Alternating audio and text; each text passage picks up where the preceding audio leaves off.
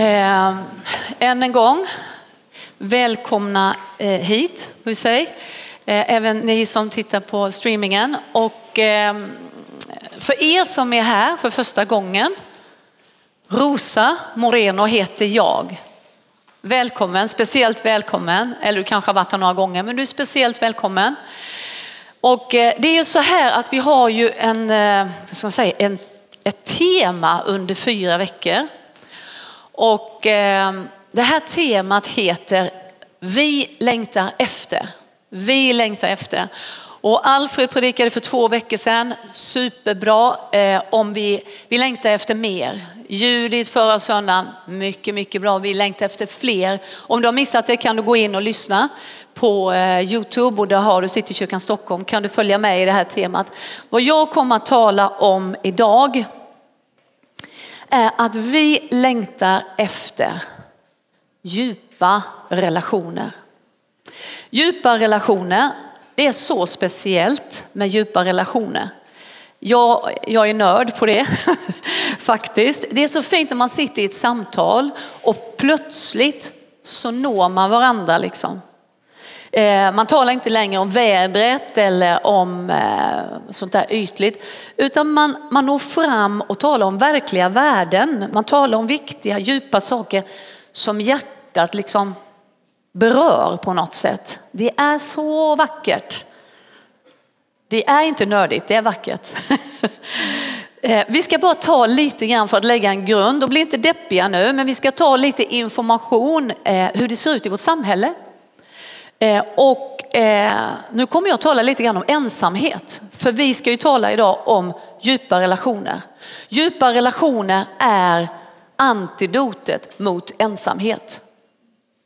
Ni vet, jag jobbar på en akutmottagning och har jobbat väldigt, väldigt mycket, många år på en akutmottagning och den kommer in människor som har fått för mycket av olika saker så ger vi en antidot. Antidoten för ensamhet är djupa relationer. Så eh, Sverige har de flest singelhushållen i världen. 25 procent, från Folkhälsomyndigheten så säger de så här, 25, eh, eller 23 procent i befolkningen från 16 år och uppåt besväras av ensamhet och isolering.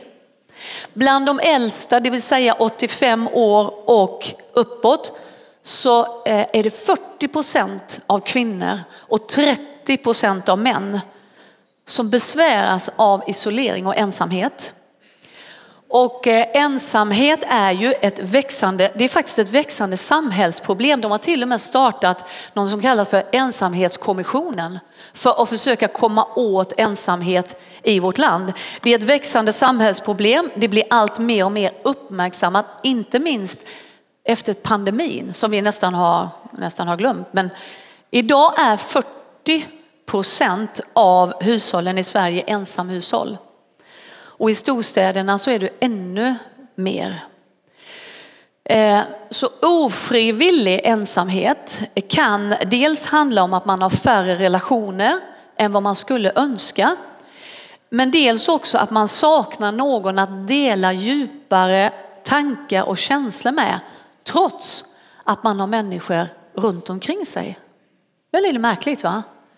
Eh, I åldern 16 till 44 år eh, så svarar dubbelt så många män som kvinnor att de saknar någon överhuvudtaget att anförtro sig åt.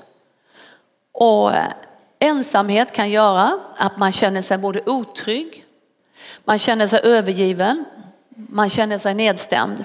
Så det påverkar både vår psykiska hälsa och vår fysiska hälsa negativt. Men ensamhet går att bryta. Och vi kan hjälpa varandra att göra det genom att vara uppmärksamma. Att vara uppmärksamma. Så vi är ett folk i församlingen här. Det är därför vi har gjort det här temat. Vi är ett folk, vi är en församling som längtar efter djupa relationer. Och jag tror att vanligtvis så längtar eh, vi alla mer eller mindre efter djupa relationer. Och varför är det så? Jo, det är för att Gud har skapat oss med det från början. Gud har skapat oss med det från början. Det är nedlagt i människan. Eh, och det har nog de flesta av oss förstått. Eh, och, och grejen är att det kan ju låta som en klyscha. För tiden vi lever i samarbetar inte med det sättet att tänka riktigt. Tiden, tiden vi lever i talar ett helt annat språk. Eh, och vi lever i en tidsålder, nu kommer jag dra lite kanske tunga grejer här, men jag tror vi behöver göra så ibland för att lyfta upp något annat. Eh, vi lever i en tidsålder då fokuset ligger väldigt, väldigt mycket på att förverkliga sig själv i möjligaste mån. Ibland till vilket pris som helst. Och vi har ju sett en utveckling i Sverige under de senaste decennierna som pekar på en, en väldigt djup individualistiskt sätt att tänka och att varje människa ska vara fullständigt oberoende. Det här är ingenting som jag påstår, det här är forskning på. Eh, det finns doktorsavhandlingar på det här. Att vi ska sträva, vi ska vara fullständigt oberoende av den andra. Ekonomiskt, relationellt, självständiga. Och detta ska då peka på att vi är starka och vi, eh, vi utvecklas. Så i vissa extrema fall så vill vi lyckas med allt. Vi vill ha fullständig kontroll och vi vill klättra uppåt oberoende av vad det kommer att kosta vår omgivning. Och eh, efter den här tiden, den är väldigt speciell, väldigt mycket materialistiskt så.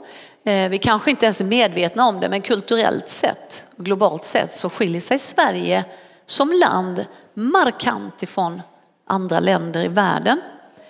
Och det påverkar ju även våra församlingar, det gör det. Det påverkar våra församlingar. Det är en, en mörk beskrivning kan man tycka. Men, men, Gud har haft från allra första början en helt annan plan. Och han har inte gett upp den. Han har inte gett upp på den att genomföra den. Därför initierar han församling. Hans andliga familj för att där prägla ett helt annat system, ett helt annat liv än det vi ser i världen. Det började redan en längtan efter djupa relationer hos Gud själv. Och vi ska läsa ifrån första Mosebok 2 och vers 8 till 9. Herren Gud planterade en lustgård i Eden österut och satte där människan som han hade skapat. Och varför skapade han människan? För han ville ha en relation.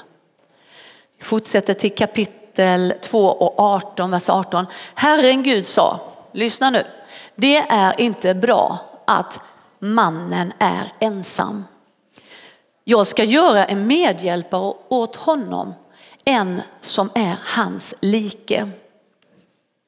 Så Gud skapade människan till att inte vara ensam.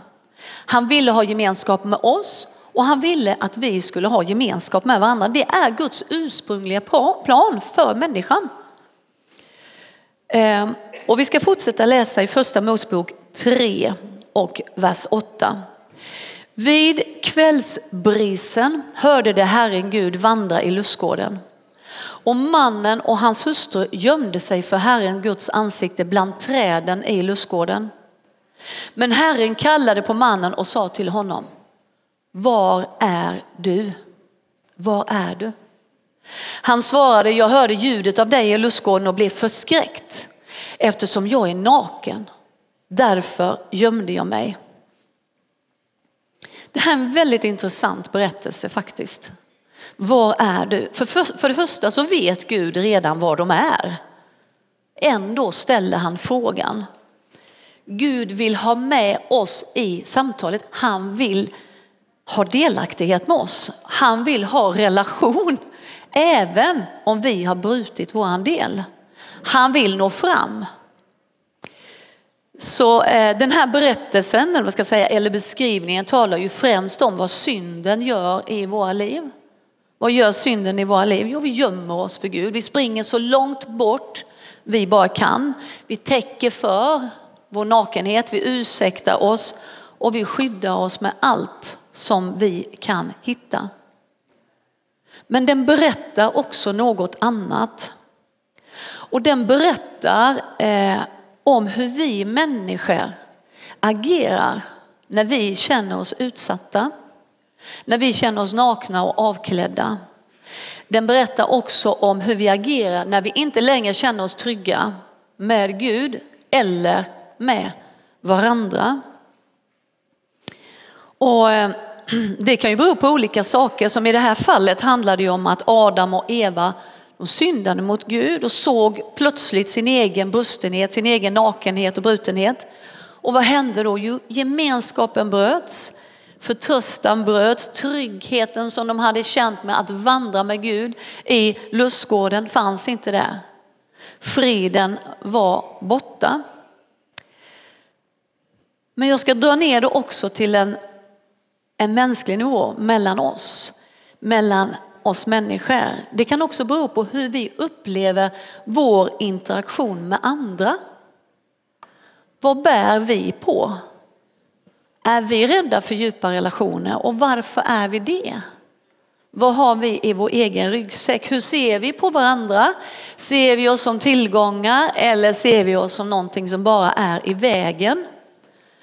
Vad är vi rädda för om vi nu är det? Så eh, om vi strävar efter djupa relationer på riktigt så har det ett pris. Det kommer att kosta oss något. Eh, och, eh, men det är det värt. Det är det värt. Annars blir det bara ord. Om jag står här uppe och säger vi längtar efter djupa relationer. Om jag inte i djupet av mitt hjärta menar det så är det ju bara ord. Förstår ni?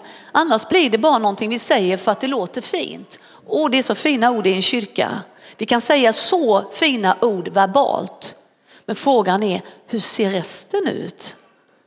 Det finns en naturlig del i relationer eh, som vi även kan se i, i Guds ord. Vi har familj. De flesta har bara föräldrar. Vissa har syskon, vissa har barn, barnbarn. Eh, vissa har gifta, har en fru eller en man. Men vi har också vänner och arbetskamrater då. Vi har församlingsmedlemmar, eller hur? Och eh, som vi känner mer eller mindre. Jag känner inte alla här, ni känner inte mig. Men vi är ju bröder och systrar för att vi tillhör samma familj. Men tänk om vi vågar komma varandra lite närmare så att vi också kan dela livet på ett djupare plan. Och här är ju då till exempel grupper i församlingen som är mindre formade. De är exemplariska för att kunna komma varandra närmare. Eh, nu ska vi läsa ifrån första Johannes kapitel 3 och vers 18. Så står det så här. Kära barn, låt oss älska. Inte med ord eller fraser utan i handling och i sanning. Då vet vi att vi är av sanningen. Och vi kan inför honom övertyga vårt hjärta vad det än anklagar oss för, att Gud är större än vårt hjärta och vet allt. Mina älskade, om hjärtat inte anklagar oss är vi frimodiga inför Gud. Och vad vi än ber om får vi av honom, för vi håller hans bud och gör det som gläder honom.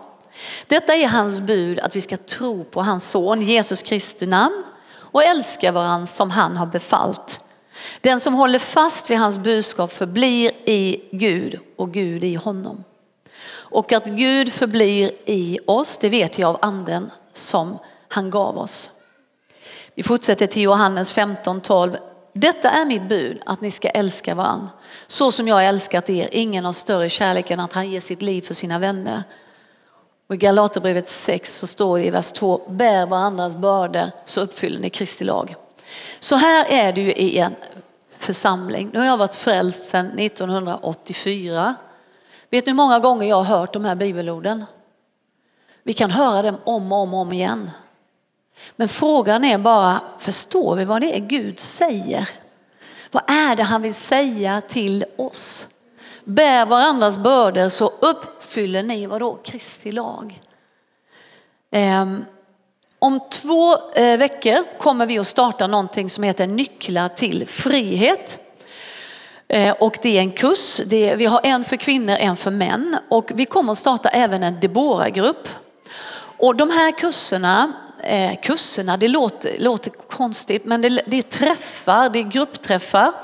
Och de är ett gyllene tillfälle då man i grupp möter varandra och man möter livet. Man går igenom, man diskuterar olika ämnen och teman som kan hjälpa oss och även utmana oss att komma vidare i livet om vi har kört fast. Och jag har hållit på med det här nu under ganska lång tid och det är fascinerande att se vad som händer när vi vågar öppna upp, när vi vågar öppna oss för varandra och delvis sådär, dela sårbarhet och bustenhet.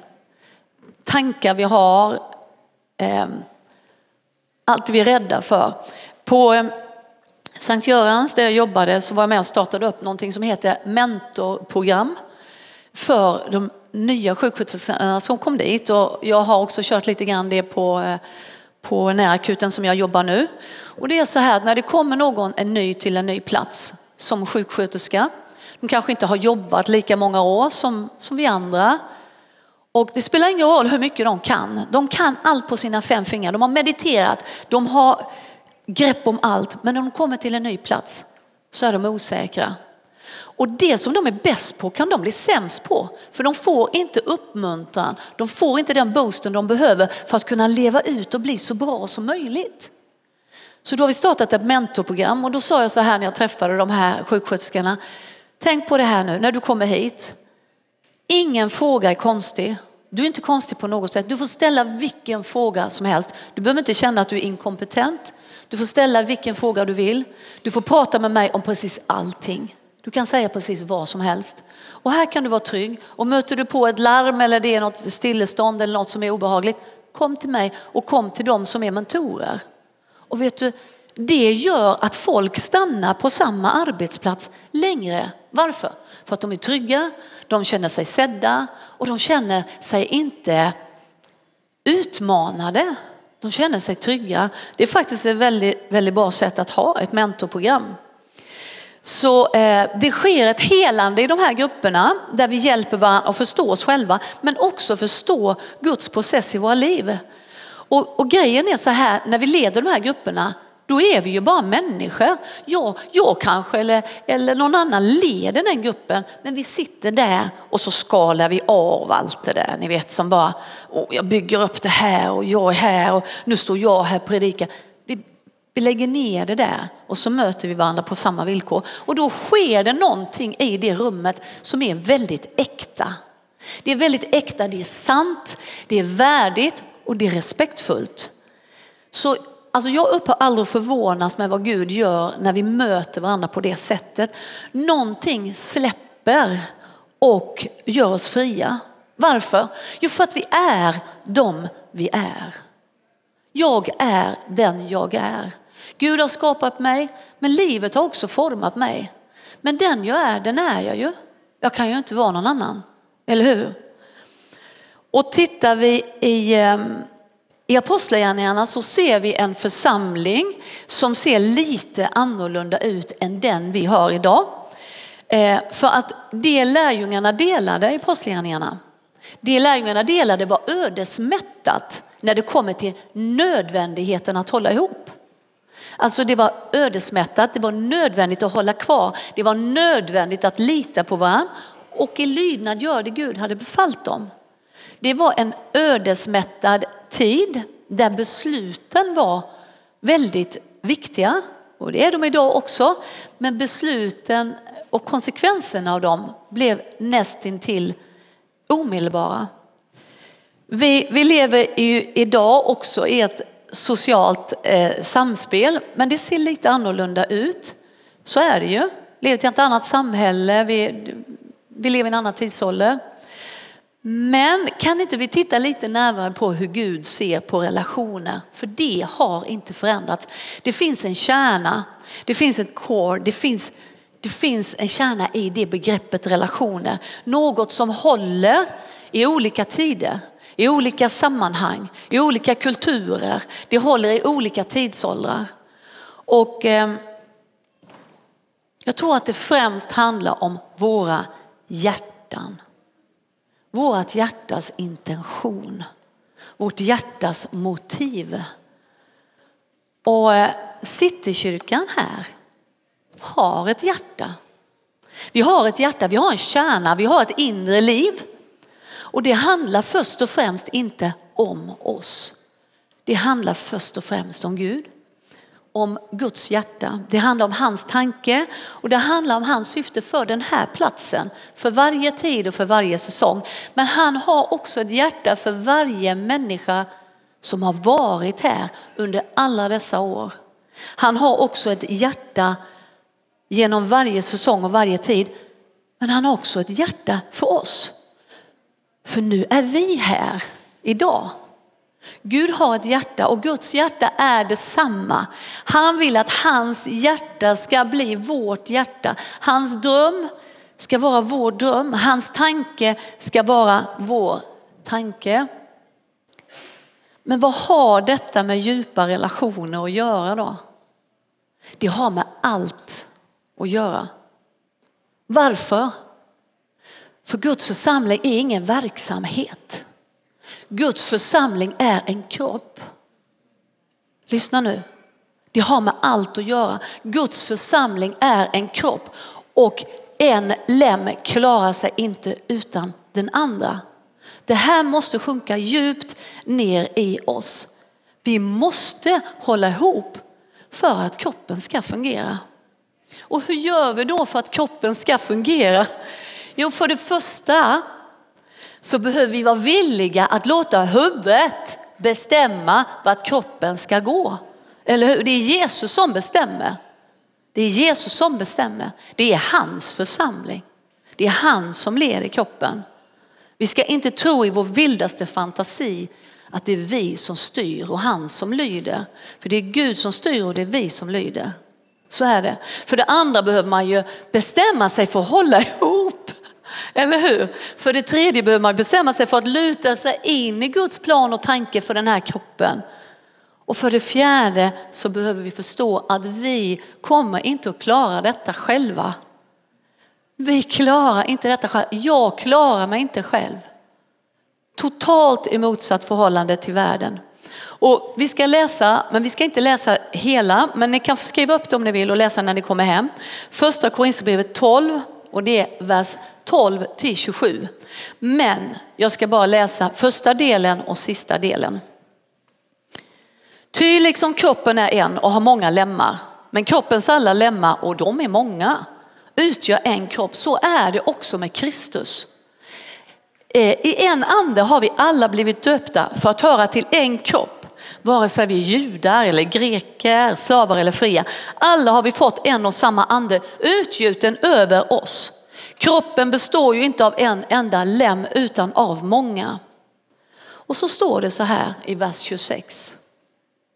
Om en lem lider så lider alla lemmarna med den. Och om en lem hedras så gläder sig alla lemmarna med den. Här finns inget utrymme för tävling. Här finns inget utrymme för avundsjuka. Här finns inget utrymme för maktspel eller skvaller eller förtal. För vem orkar hålla på med sånt? Vem orkar hålla på med sånt? Gud hjälp oss. Det står så här i Joel 2 och vers 7 så står det så här. Tänk dig själv att du är en hjälte. Som hjältar jagar vi iväg. Likt stridsmän stiger vi upp på murarna.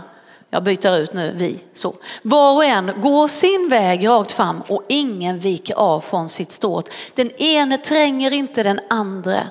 Var och en går sin givna bana.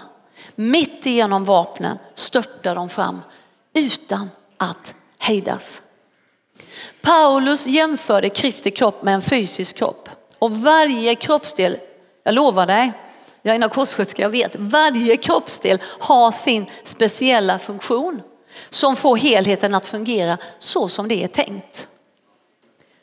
Det är med avsikt som kroppsdelarna är olika. Det är med avsikt att inte vi är lika.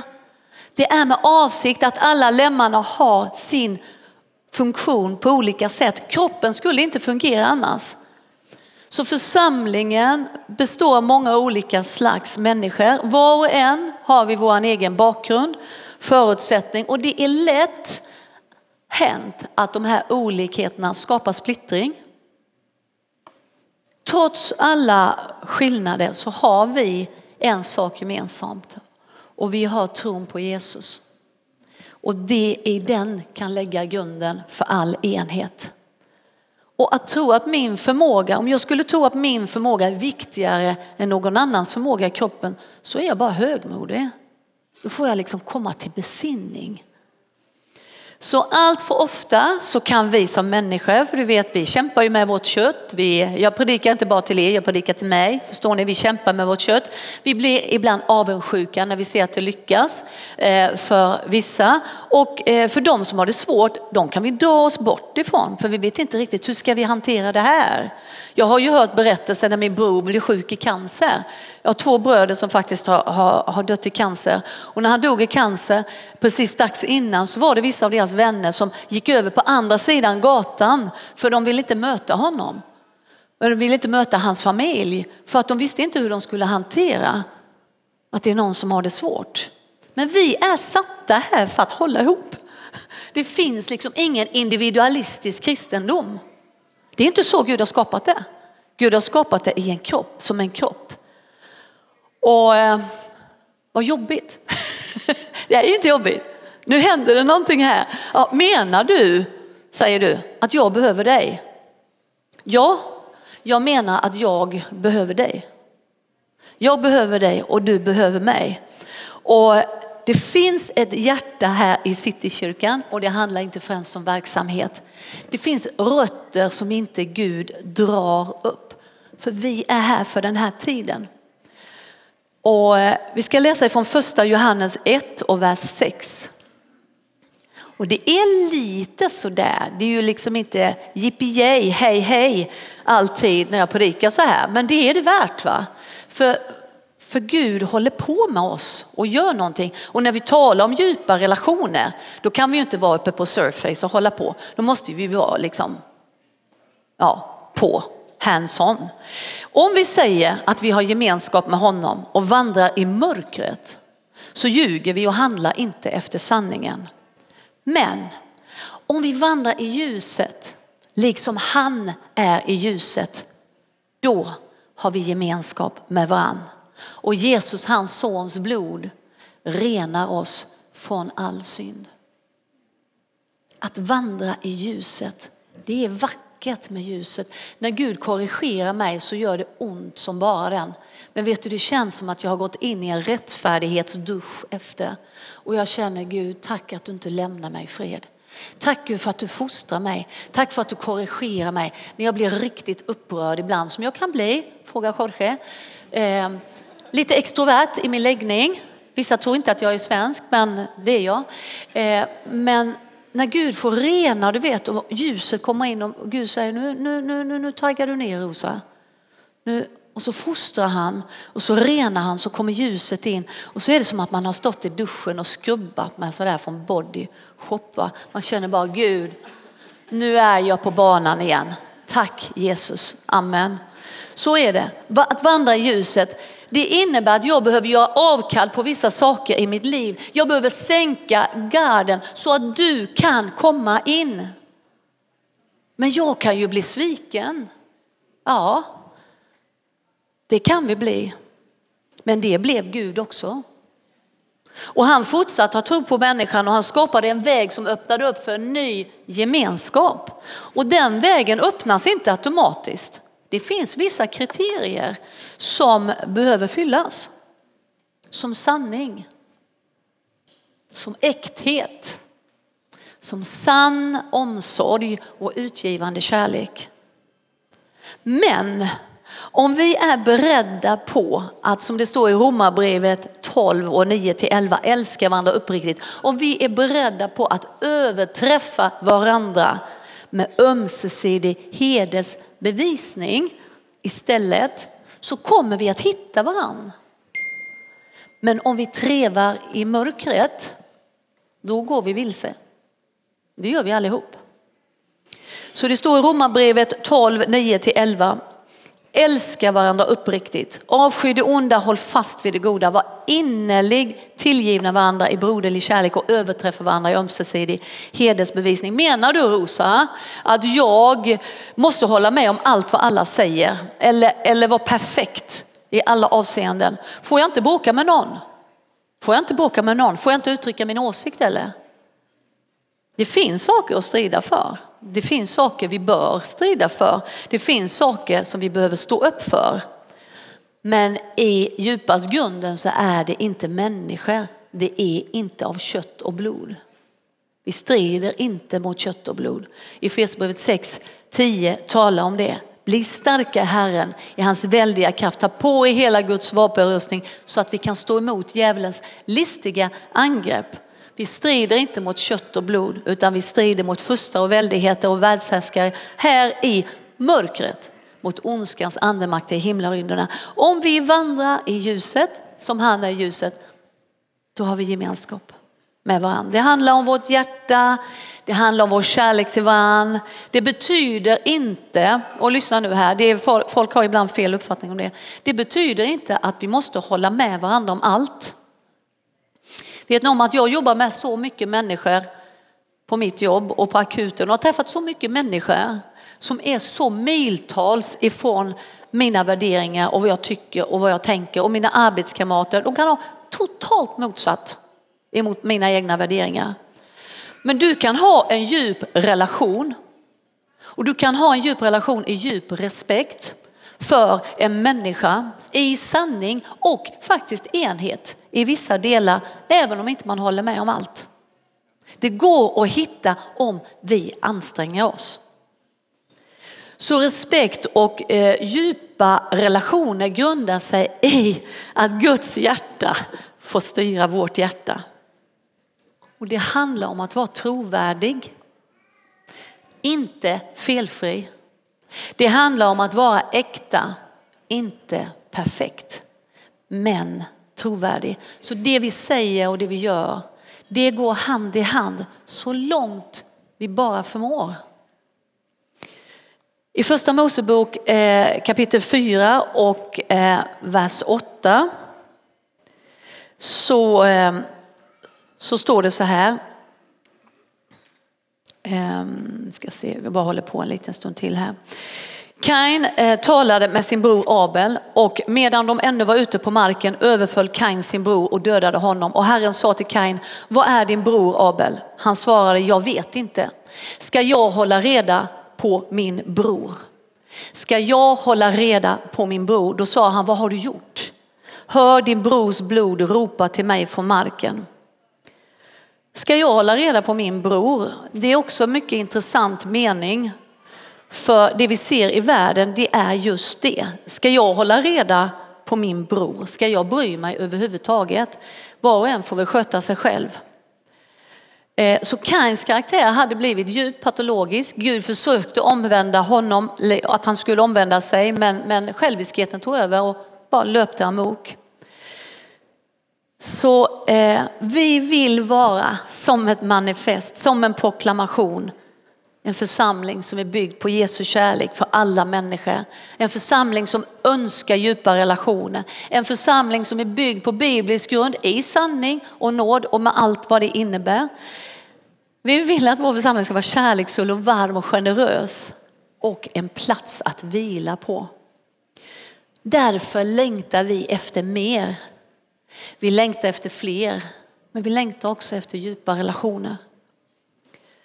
Eh, och eh, Gud ställer frågan till mig och dig, vad är du?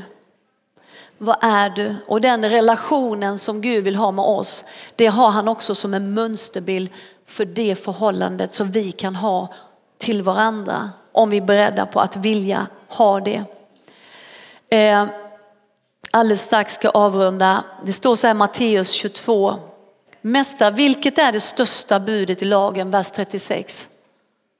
Det har vi läst många gånger, nu läser vi det som att det är första gången. Vilket är det största budet i lagen? Han svarar, du ska älska Herren din Gud av hela ditt hjärta, av hela din själ, av hela ditt förstånd. Och det kan vi fatta. Det är det största och främsta budet. Sedan kommer ett som liknar det. Du ska älska din nästa så som dig själv. På dessa två hänger hela lagen. Profeterna. På dessa två hänger hela lagen och profeterna. Hur kan Gud förmå att omfamna alla? Vissa människor tror inte att det är möjligt. Det är därför de inte tror att Gud ser just dem. Han har inte tid med mig, han har viktiga saker och viktiga människor att bry sig om. Men Gud använder sin församling till att se alla. Försöka åtminstone. Och eh, det sista bibelordet här, jag tycker det är väldigt, väldigt fint för det beskriver Guds hjärta för varje människa och det är när, när Jesus hänger på korset, Johannes 19.25. Vid Jesu kors stod hans mor och hans syster Maria som var Klopas hustru och Maria från Magdala. När Jesus såg sin mor och bredvid henne den lärjunge som han älskade sa han till sin mor, kvinna, se din son. Sen sa han till lärjungen, se din mor. Och från den stunden tog lärjungen henne hem till sig. En djup relation, inte ensam. Gud ser och vi vill se varandra för Gud har redan sett oss. Vi längtar efter djupa relationer. Och eh, jag ska avsluta predika. Det är två saker som jag skulle vilja att vi ber för idag och Gabriel kommer att komma upp och eh, dela lite mer. Men det är två saker som Gud talar till mig om. Det är att vi ber för dig idag specifikt som, och inte bara det, känner dig ensam. Att ensamheten bara finns djupt i ditt hjärta, isolerad, du vet inte hur du ska komma loss. Du vet inte hur du ska gå vidare, du känner dig ensam. Det ska vi be för idag. Vi kommer att förbereda på varsin sida här. Kom fram så ska vi be för dig. Och sen vill jag också säga till dig som är här, som inte känner Jesus, som inte har tagit emot Jesus i ditt hjärta och som kanske har sprungit ifrån Gud och gömt dig och ursäktat dig och täckt för med allt möjligt du kan hitta. Gud kallar på dig idag. Han vill ha en djup relation med dig idag. Han är inte ute efter dig. Han är inte ute efter att straffa dig. Han vill ha en djup relation med dig idag för han älskar dig. Han vill att du ska komma in i hans famn. Och du som har sprungit bort ifrån Gud eller du har hållit på med någonting, whatever, det spelar liksom ingen roll. Han står där och väntar, han ger aldrig upp. Så om du är här och upplever det här så kom fram så ska vi hjälpa dig. Och vi kan hjälpa dig att be frälsningsbönen här framme, det är väldigt, väldigt enkelt. Och, och, eh, eller om du bara vill komma tillbaka. Vi är här för varandra. Och eh, vill du komma fram för förbön så är du välkommen. Jag ska bara be här. Fader, vi bara tackar dig för den här stunden. Bara be Fader att du talar till våra hjärtan nu. Fader, visa oss din väg igenom det här. Visa oss din väg genom att bryta ensamhet. Visa din väg genom att hitta varandra i den här kroppen. Vi ber från djupet av våra hjärtan om det Fader. En kropp, ett hjärta, en ande, en Gud tillsammans i Jesu namn. Amen.